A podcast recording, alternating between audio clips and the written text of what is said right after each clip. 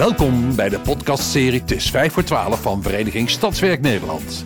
Met vijf vragen over een urgent thema die niet op een antwoord kunnen wachten.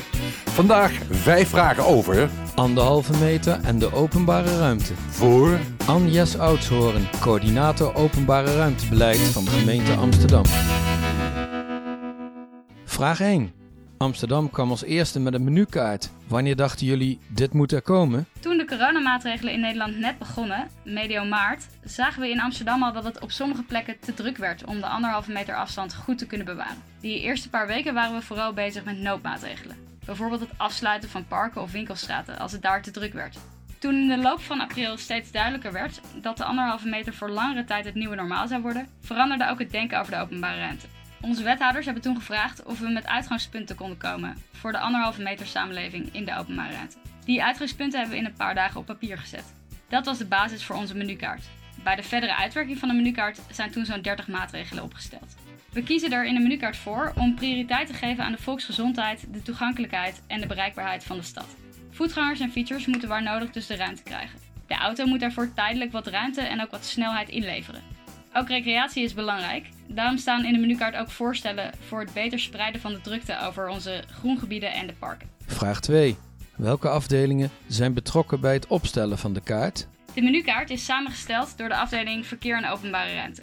Daarbij hebben we gelukkig hulp gehad van heel veel collega's. Bijvoorbeeld van Economische Zaken, die samen met ons gekeken hebben hoe we de economische activiteiten zoals terrassen en markten goed kunnen inpassen. Collega's van Ruimte en Duurzaamheid, die vanuit de verkeerskunde en het openbare ruimteontwerp hebben meegedacht.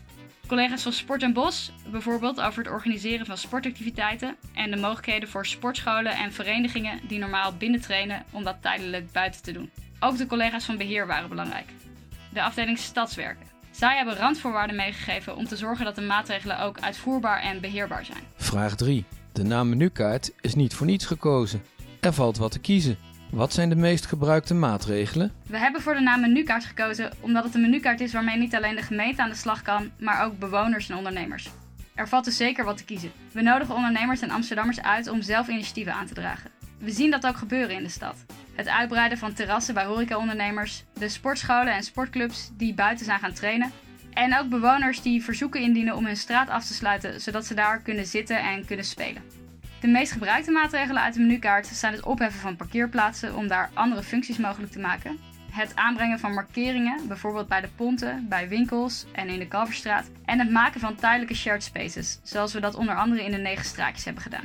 Ook bij basisscholen zijn maatregelen getroffen, zoals het tijdelijk afsluiten van de straat bij het halen en brengen van de kinderen. Zo kunnen ook ouders anderhalve meter afstand tot elkaar bewaren.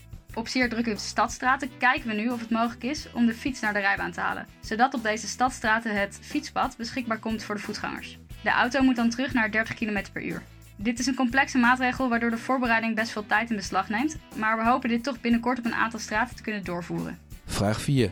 De menukaart is een dynamisch document. Is er al veel gewijzigd ten opzichte van de eerste versie? We hebben er voorlopig voor gekozen om niet de menukaart steeds te actualiseren, maar waar nodig maatregelen verder uit te werken in losse documenten. Bijvoorbeeld de tijdelijke terrasregels, die eind mei zijn vastgesteld door de burgemeester. Die tijdelijke terrasregels geven ondernemers de kans om hun terras uit te breiden. Ook de communicatieuiting in het straatbeeld hebben we verder uitgewerkt, zodat overal in de stad dezelfde pijlen en schablonen gebruikt worden. Daarnaast hebben we een nieuwe handleiding opgesteld voor bewoners die aan de slag willen met de zogenaamde leefstraten. Normaal kun je in Amsterdam al een leefstraat aanvragen, dat is dan een straat die tijdelijk wordt afgesloten voor verkeer, zodat bewoners er leuke dingen kunnen doen. Maar zo'n leefstraat heeft dan het karakter van een langlopend evenement, met veel groepsactiviteiten. En die mogelijkheden zijn door corona beperkt. Daarom noemen we het deze zomer verblijfstraten. En hebben we het proces van aanvragen en uitvoeren versimpeld en versneld. We hopen dus in juli, augustus en september nog een paar mooie verblijfstraten te zien in de stad. Vraag 5. Hoe reageert het publiek op de maatregelen? De reacties vanuit de stad zijn wisselend. Veel mensen zijn enthousiast dat er nieuwe dingen gebeuren in de stad en dat we te durven experimenteren. Maar er zijn natuurlijk ook mensen die twijfelen over de effectiviteit van de maatregelen of vinden dat we verkeerde keuzes maken. Het is ook een bijzonder proces. We moeten snel handelen en de normale procedures van inspraak en toetsing door allerhande commissies kunnen dan niet doorlopen worden. Daarom zijn we flexibel. Als maatregelen niet werken of de omstandigheden in de stad veranderen, dan kunnen we de maatregelen op straat weer aanpassen. De tijdelijke maatregelen zijn dus zeker niet in beton gegoten. U luisterde naar Het is 5 voor 12, een podcastserie van Vereniging Stadswerk Nederland.